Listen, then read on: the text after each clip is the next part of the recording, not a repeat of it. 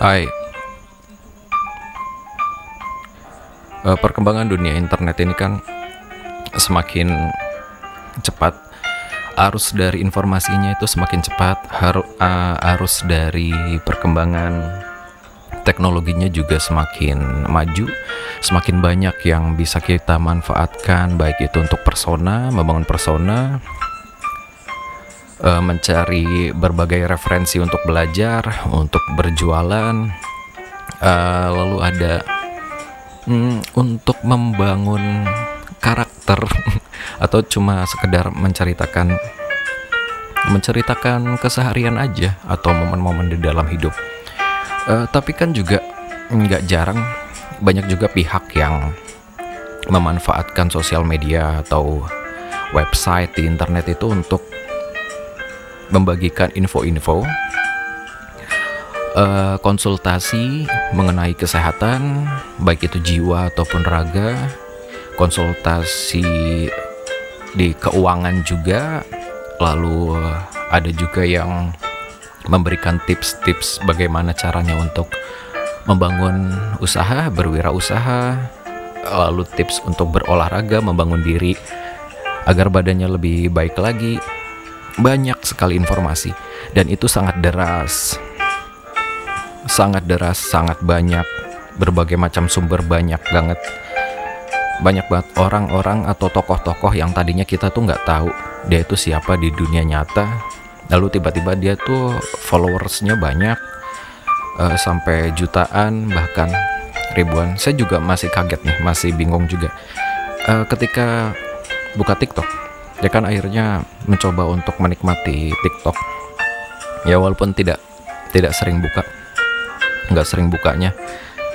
Ini orang siapa? Ngomong ngomong tentang kesehatan tentang kekayaan tentang bagaimana menjadi diri atau tips percintaan tips tips apa ya self improvement gitu. Ini orang siapa? Tapi kadang ada benernya kadang juga ada salahnya dan sering kali karena arus informasi itu banyak deras sekali sumber-sumber yang bermunculan juga banyak jadi kiblatnya nggak cuma satu. Tapi mereka kadang-kadang memberikan kan namanya sosial media memberikan video memberikan informasi itu tidak semuanya melampirkan atau mencam- mencantumkan sumber. Sumber seperti contohnya jurnal ilmiah atau diambil dari buku siapa atau diambil dari quotes-nya siapa gitu tokoh siapa. Yang mana itu pentingnya adalah nanti kita bisa track back lagi apakah kalimat itu emang betul-betul keluar dari tokoh tersebut dari jurnal tersebut dari eh, referensi yang dicantumkan atau tidak. Kadang kan quotes dan kalimat omongan itu bisa ngurang bisa nambah sering kali nambah dan biasanya itu juga diambil dari bahasa asing seperti bahasa Inggris atau bahasa Latin atau bahasa eh, Perancis atau bahasa luar gitu dan kadang-kadang kalau diterjemahkan ke bahasa kita ke bahasa Indonesia kadang-kadang artinya juga jadi berubah. Lalu apa apa sih maksudnya? Maksudnya adalah kalau kita mempercayai 100% apa pun yang ada di internet langsung percaya itu akan jadi sangat berbahaya bukan cuma buat diri kita tapi juga buat orang lain yang informasinya kita ini forward kita kasih ke mereka. Hmm, sebenarnya sih keraguan ini atau kegelisahan ini udah lumayan lama dan saya kadang-kadang juga berpikir untuk keluar dari eh, yang kehidupan personalnya ya, keluar dari sosial media. Eh, sosial media mungkin akan saya pergunakan buat kalau ada bisnis atau ya kayak gini bagiin siniar kayak gitu aja tapi kalau buat konsumsi pribadi kayaknya agak agak beresiko dan males. Karena mempengaruhi lama-lama mempengaruhi psikologis kita.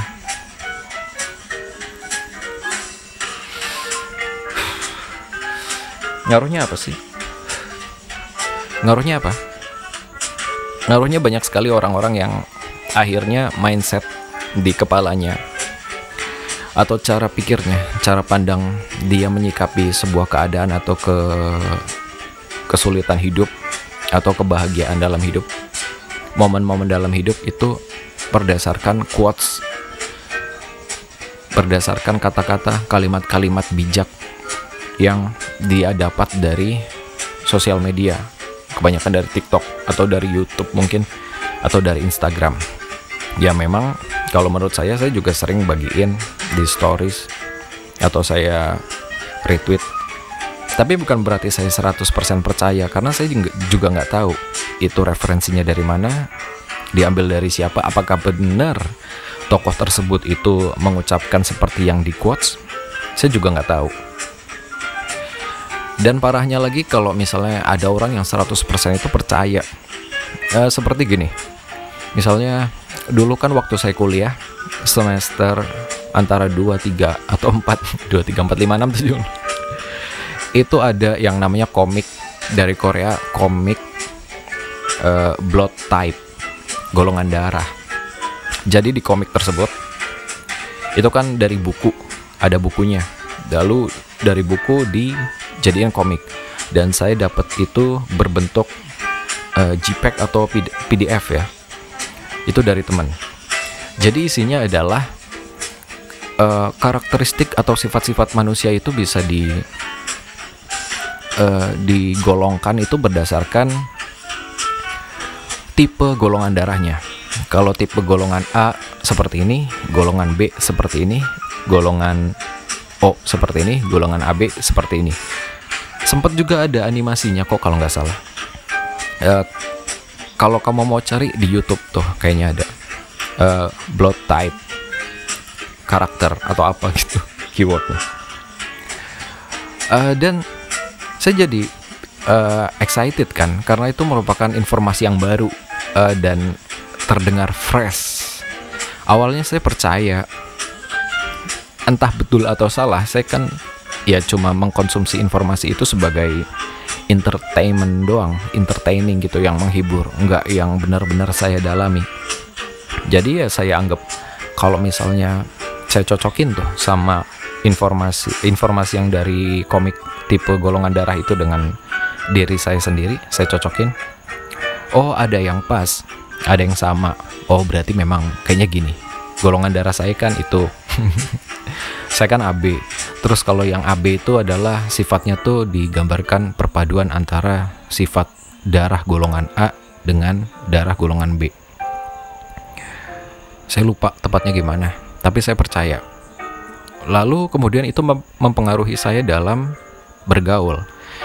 Seringkali kan kita kalau uh, lagi bergaul tuh ada info menarik apa gitu yang baru kita dapat, kita biasanya secara sok tahu gitu ya secara sok tahu bagiin aja gitu ke teman dulu lebih sering ketemu langsung ya jarang sih lewat teks karena zaman dulu masih BB dan saya nggak punya adapun saya SMS dan telepon.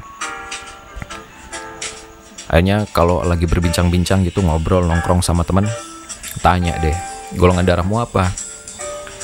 Oh ah ah tuh sifatnya gini gini gini itu pacarmu apa? Uh, B. Oh gini gini gini itu kayaknya agak kurang ini deh. Uh, kurang cocok atau nanti ada masalah ini ini ini kayak gitu. Jadi saya uh, secara sukarela menyebarkan informasi tersebut yang sebenarnya menurut diri saya belum tahu itu valid atau tidak lalu di teman saya di kolega saya diserap lalu diterapkan difikirkan matang-matang di kepalanya lalu diterapkan ke kehidupannya cara dia untuk berinteraksi dengan teman-teman, cara dia untuk belajar, beraktivitas segala macam. Padahal ada kemungkinan untuk salah, ada sekali kemungkinan untuk salah.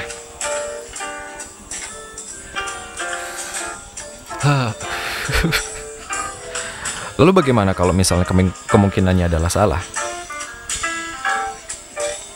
Kalau kemungkinannya salah, berarti itu adalah Barnum Effect atau efek Barnum.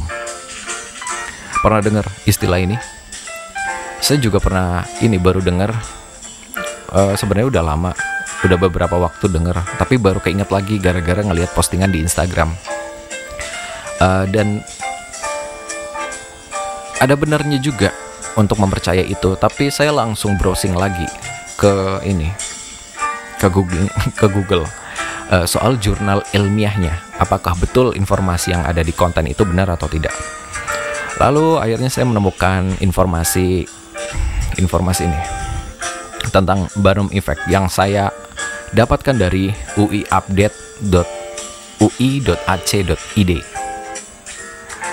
Barnum Effect atau yang disebut juga Forer Effect yang diungkapkan oleh Phineas Tyler Barnum menyatakan bahwa manusia cenderung menerima pernyataan-pernyataan ambigu, samar-samar, dan umum sebagai deskripsi akurat atas kepribadiannya sendiri. Dari Juneman at a titik l, 2009 kurung tutup. Dengan kata lain, manusia mudah menerima dan mempercayai pernyataan-pernyataan yang sebenarnya tidak spesifik, seperti kalimat-kalimat ramalan untuk menggambarkan dirinya secara pribadi. Padahal, pernyataan tersebut dapat berlaku untuk semua orang. Contohnya seperti ini, Aries paling gak suka kalau udah janjian sama temen tapi temennya malah ngaret. Apakah tidak terpikir oleh Anda bahwa sangat banyak orang yang tidak menyukai hal tersebut? Atau kita coba analisa menggunakan perspektif yang lain. Kita sepakat bahwa sifat seseorang dipengaruhi oleh gen dan lingkungan. Bila kita lakukan introspeksi pun, kita dapat menyadari itu dengan mudah. Maka, apakah ada kaitannya rasi bintang di langit atau kartu tarot yang kita ambil dengan sifat kita? Tentu jawabannya tidak. Kembali lagi, itu hanyalah Barnum Effect. Barnum Effect merupakan salah satu teori psikologi yang membuktikan bahwa orang yang mempelajari ilmu psikologi bukanlah peramal. Karena ramalan sering kali hanya mengandung unsur kebohongan. Teori tersebut mampu menjelaskan fenomena yang terjadi di masyarakat dan tentu masih sangat banyak teori psikologi lainnya yang mampu membantu kehidupan kita dan sangat aplikatif ya itu itu deskripsi dari Barnum Effect-nya. Uh, jadi ya selain tadi golongan darah ada juga uh, kan sering banget tuh ada ada juga yang percaya dengan yang namanya zodiak. Uh, zodiak lalu ada juga kalau kita orang Jawa weton banyak deh dan misalnya contohnya tadi, kalau zodiaknya Aries itu nggak cocok sama yang apa. Kalau yang ini orangnya seperti ini gitu, Aquarius, Gemini orangnya sifatnya seperti ini. Kadang-kadang kalau dicocokkan, kalau kita misalnya e, merefleksikan keadaan itu, informasi itu dengan keadaan diri kita sendiri, misalnya diri saya adalah Pisces, lalu saya membuka informasi tentang sifat-sifat orang Pisces seperti apa. Kadang-kadang saya merasakan itu benar kadang-kadang saya merasakan itu adalah emang sifat saya seperti itu. Tapi kadang-kadang pula saya kepikiran uh, yang punya sifat itu tuh tidak melulu soal uh, kamu lahir tanggal berapa sampai berapa gitu kan. Misalnya orang yang uh, romantis kalau soal percintaan romantis keuangan akan ada apa di minggu ini gitu itu kan tergantung banyak faktor seperti faktor dia itu ada di lingkungan mana, pekerjaannya apa atau keahliannya apa. Keahlian itu bergantung lagi kalau kamu belajar hal apa, yang ditekuni apa, yang diminati apa. Lalu lingkungan uh, ilmiah seperti apa, keilmuan apa yang ada di sekitarmu dan mempengaruhi kepribadian. Itu kan beda-beda. Nggak semua orang yang lahir di bulan ini sampai ini lingkaran pertemanan dan kesukaannya sama. Kan membingungkan. Kadang-kadang ada benernya tapi kadang-kadang kalau dipikir ah mungkin ini ini kebenaran aja. Atau ini cuma seperti yang dibilang itu Barnum effect jadi kita seolah-olah itu relate gitu dan mengiyakan. Padahal ya ya kebetulan. Dan tidak ada uh, referensi ilmiahnya apakah benar atau tidak bisa dipercaya 100% atau tidak ya buat have aja buat buat Evan aja dan uh, menurut saya sih nggak bisa dijadiin satu-satunya pegangan atau pedoman buat menjalani kehidupan gitu. Kemudian kadang kadang-kadang kan kita ada ini kalau di Facebook atau di internet ada yang tes kepribadian online tuh. Kadang juga ada kadang kadang-kadang orang lupa, kita lupa tuh kalau tes kepribadian online tuh kan termasuk kalau di website itu tuh adalah quiz. Jadi mungkin ya kayak kuis-kuis yang lain ada keyword yang udah dimasukin. Kalau kamu pilih jawaban-jawaban tertentu di situ kan ada quiz kuesioner yang kamu disuruh milih multiple choice gitu. Kamu disuruh milih jawaban ini ini ini mungkin juga nanti perpaduan jawaban-jawaban yang udah kamu pilih itu akan melahirkan jawaban yang sebenarnya udah template yang udah disiapkan gitu kan? Dan kita lupa kadang-kadang ini sumbernya dari mana apakah lembaga yang terpercaya ataupun yang enggak. Karena setahu saya ada ada memang yang tes kepribadian atau psikologi tes kejiwaan itu yang dari lembaga yang memang profesional dan itu lumayan lumayan ada biayanya gitu.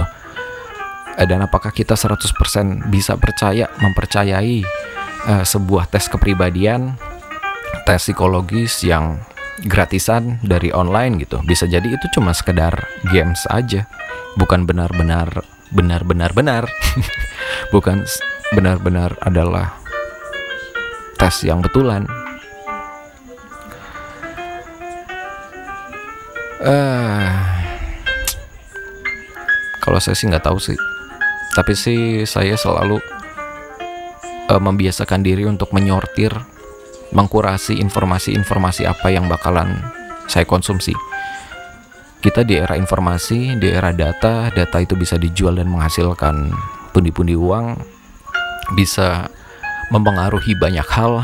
Contohnya misalnya kita kita kan punya pasti kan pasti punya sosial media jangan kan sosial media akun Google pasti punya dari keyword yang kita isi, dari postingan yang kita like, dari sesuatu yang kita tulis, yang kita ucapkan, dan terekam di internet, lalu terupload mungkin di server, terekam di server, itu bisa mempengaruhi cara kita mendapatkan konten berikutnya. Uh, kalau sebagai pengguna iklan yang memasang iklan, mungkin itu berguna agar apakah produk yang saya jual akan diterima ke konsumen yang tepat atau tidak. uh, ya pasti kita punya akun itu.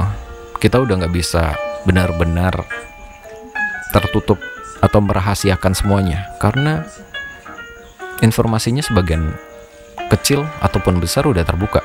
Kita ada foto di internet. Kita ada data lahir kadang juga kita beberapa keperluan kita harus mengupload kartu-kartu yang penting seperti KTP, kartu KK, ijazah segala macem. Uh, kita sama sekali udah nggak punya privasi saat ini. Lalu kadang-kadang ada juga yang coba ngetes uh, ngomong suatu produk gitu di depan HP-nya. Lalu ketika dia buka aplikasi sosial media YouTube atau Instagram atau Facebook keluar produknya. Ya bisa jadi juga mungkin direkam atau bisa jadi emang sudah di search di browser kan pasti keluar tuh.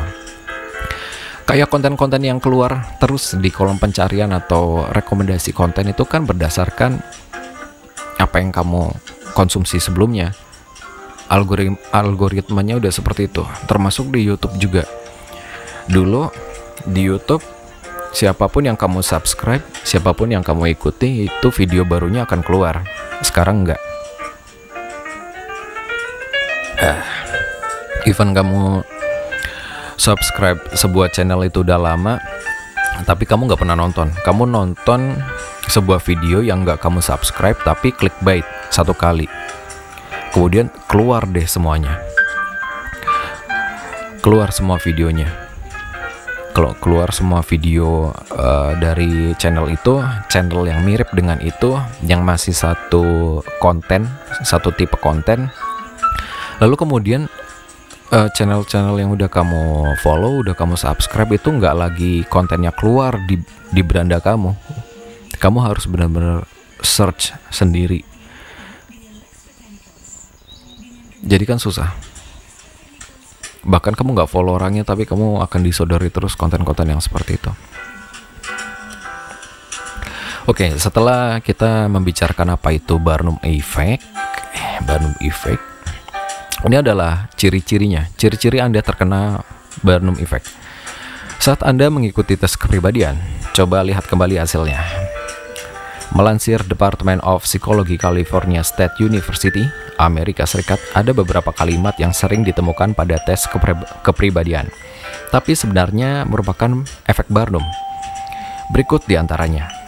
Kalimatnya ini. Anda membutuhkan orang lain dan ingin mereka menyukai Anda. Itu yang pertama. Yang kedua, Anda memiliki banyak potensi yang belum tergali. Itu yang kedua. Yang ketiga, anda mudah merasa cemas dan memiliki sesuatu yang membuat Anda insecure. Selanjutnya, Anda lebih suka lingkungan yang bervariasi dibandingkan rutinitas yang itu-itu saja. Lalu yang kelima, Anda tidak percaya Anda tidak akan percaya begitu saja kepada orang lain bila tidak ada buktinya. Yang keenam, Anda cenderung kritis kepada diri sendiri. Yang ketujuh, Anda terkadang ragu apakah telah mengambil keputusan yang tepat. Yang kedelapan, Anda terkadang ekstrovert dan mudah bersosialisasi, tapi bisa juga menjadi introvert dan nyaman menyendiri. Lalu yang terakhir, walaupun memiliki kelemahan, Anda selalu berusaha mengatasinya. Oke, setelah membaca seluruh eh, pernyataan tersebut dan mengaitkan dengan diri sendiri, sebagian besar di antara uh, pertanyaan eh pernyataan tadi tuh seolah begitu cocok kan dengan Anda, dengan kita. Padahal semua kalimat di atas itu adalah contoh efek Barnum yang bisa diterapkan kepada orang lain juga. Jadi seolah-olah tuh dekat dan relate gitu. Padahal kalau misalnya gini, anda terkadang ekstrovert dan mudah bersosialisasi, oke. Okay. Tapi bisa juga menjadi introvert dan nyaman menyendiri. Bukankah semua orang juga kadang gitu? Anda bisa mengujinya dengan cara sederhana. Kumpulkan beberapa pernyataan yang sering ada dalam tes kepribadian. Kemudian tunjukkan pada dua atau tiga orang teman Anda. Lihatlah seberapa banyak pernyataan yang mereka anggap sesuai. Oke. Tapi bukan berarti efek Barnum itu selalu selalu merugikan. Nggak selalu merugikan. Uh, efek Barnum juga bisa ada ada manfaatnya. Jadi kan efek Barnum itu mempercayai sesuatu yang sebenarnya itu ya umum. Tapi seolah-olah itu menjadi khusus di kita buat kita gitu. Ada manfaatnya kalau memang apa yang dibaca atau yang disugestikan itu adalah hal yang positif. Hal yang membuat kita lebih ingin upgrade lagi. Gitu. Rokok dulu.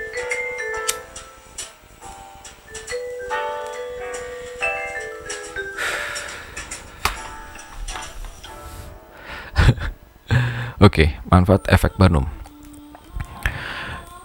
Dunia psikologi telah lama mempelajari fenomena Barnum serta kegunaannya.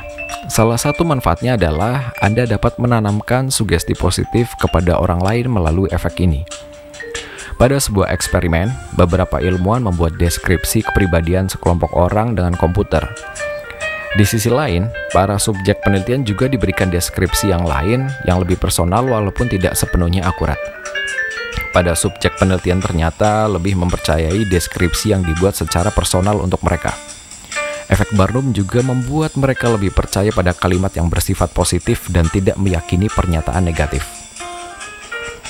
Efek Barnum memang membuat banyak orang percaya pada horoskop dan beragam tes kepribadian yang tidak dapat dibuktikan secara ilmiah. Meski demikian, efek ini sebenarnya juga bisa digunakan untuk menanamkan sugesti baik kepada orang lain. Manusia cenderung meyakini sifat-sifat baik yang ada pada dirinya. Jadi, Anda dapat memanfaatkan ini untuk membuat diri sendiri maupun orang lain itu jadi orang yang lebih baik. Jadi, memang ada manfaatnya. Kalau sugestinya yang ditanamkan atau yang kita coba masukkan ke dalam diri kita atau diri orang lain adalah sugesti yang positif. Saya dulu waktu uh,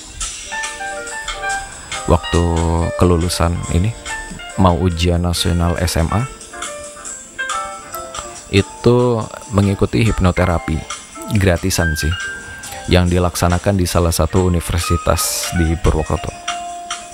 Lalu di situ saya satu-satunya yang akan suruh tidur, tidur atau atur nafas dan segala macam sambil di uh, disetelin uh, musik-musik yang menenangkan. Lalu ada orang di depan yang ngomong memotivasi, kamu bisa, kamu ini ini ini, ini segala macam.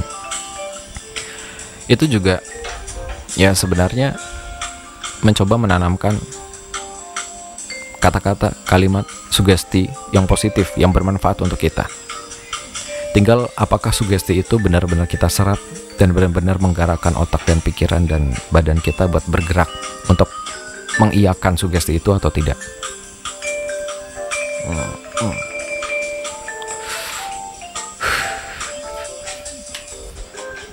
kadang-kadang juga uh, pernyataan seperti I can do it, I can do it, aku bisa, aku bisa, aku bisa gitu.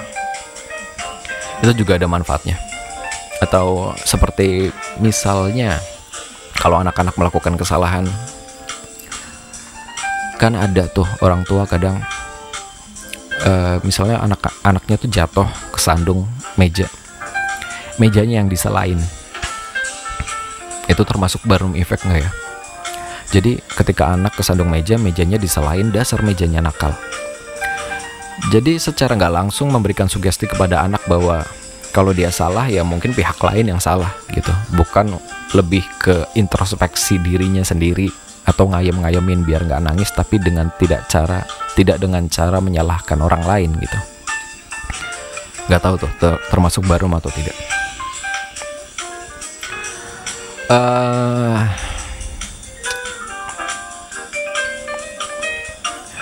kadang-kadang yang nyebelin kan ketika ada orang yang benar-benar mempercayai, mempercayai sesuatu misalnya percaya banget sama zodiak atau kepribadian dari uh, type blood blood type golongan darah dan menganggap itu udah paten. Itu udah nggak bisa dimasukin elemen atau faktor eksternal lagi gitu.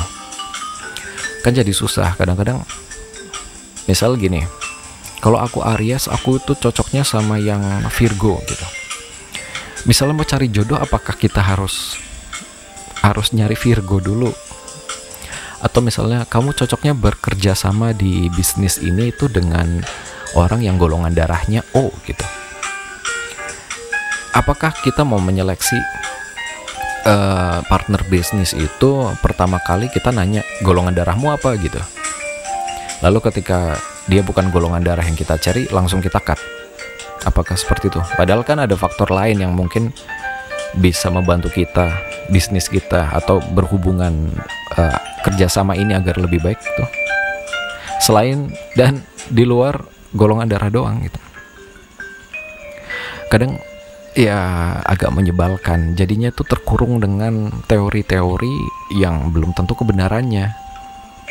Terkecuali kalau memang sudah bukan meyakini ya. Kadang kita tuh agak bias untuk meyakini atau menganggap itu adalah hal yang sangat lekat dengan kita. Kadang itu bias kadang juga enggak tapi kita menganggap iya gitu jadi benar-benar harus mencari referensi ilmiahnya. Jangan percaya gitu aja. Apa ya? Hmm.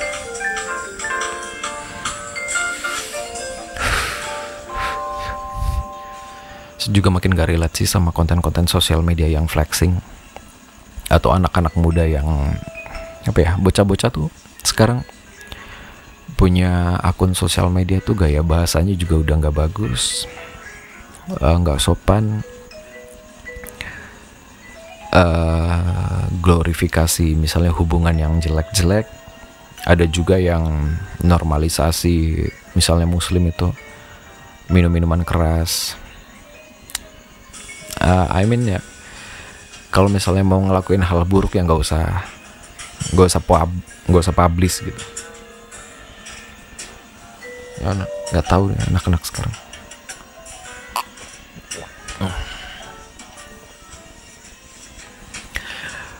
Dan saya juga khawatir juga soal perkembangan mental tuh dari gaming-gaming kegiatan ngegame. Karena sekarang gaming tuh kayak kayak judi semua. Harus gacha harus beli pay to win. Dan yang nggak bisa kadang-kadang kan akhir akhirnya kan karena gamenya free atau berbayar gitu ada yang cari modnya. Mod mod kan bajak. Jadi mudorot semua. Dan mempengaruhi ini jadi dulu ngegame bermain itu asik.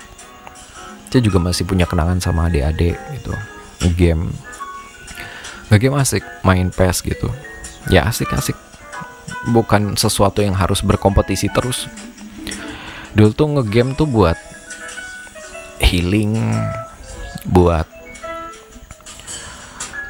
uh, santai gitu ngisi waktu luang habis belajar habis kerja gitu. Sekarang nggak bisa. Kalau kamu habis belajar malah main game yang kompetitif kamu bisa kayak mati. Karena kamu gak relax. Akhirnya merasa tersaingi lagi otakmu bekerja lagi terasa terbebani lagi akhirnya capek terus. Dan merasa nggak menyenangkan gitu. Harus berkompetisi harus menang terus dan akhirnya stres. Terus ya makin ke sini kan anak-anak muda yang udah mulai bagusnya adalah melek soal kesehatan kejiwaan. Tapi kadang-kadang lagi-lagi gara-gara arus informasi yang padat konten-konten yang banyak mengenai kejiwaan atau ini mengkategorikan kalau ada ciri-ciri begini tuh pasti begini pasti begini gitu. Yang kadang-kadang sumbernya kan lagi-lagi nggak nggak jelas kadang jelas kadang enggak dan nggak riset lagi langsung percaya 100% akhirnya ya gitu.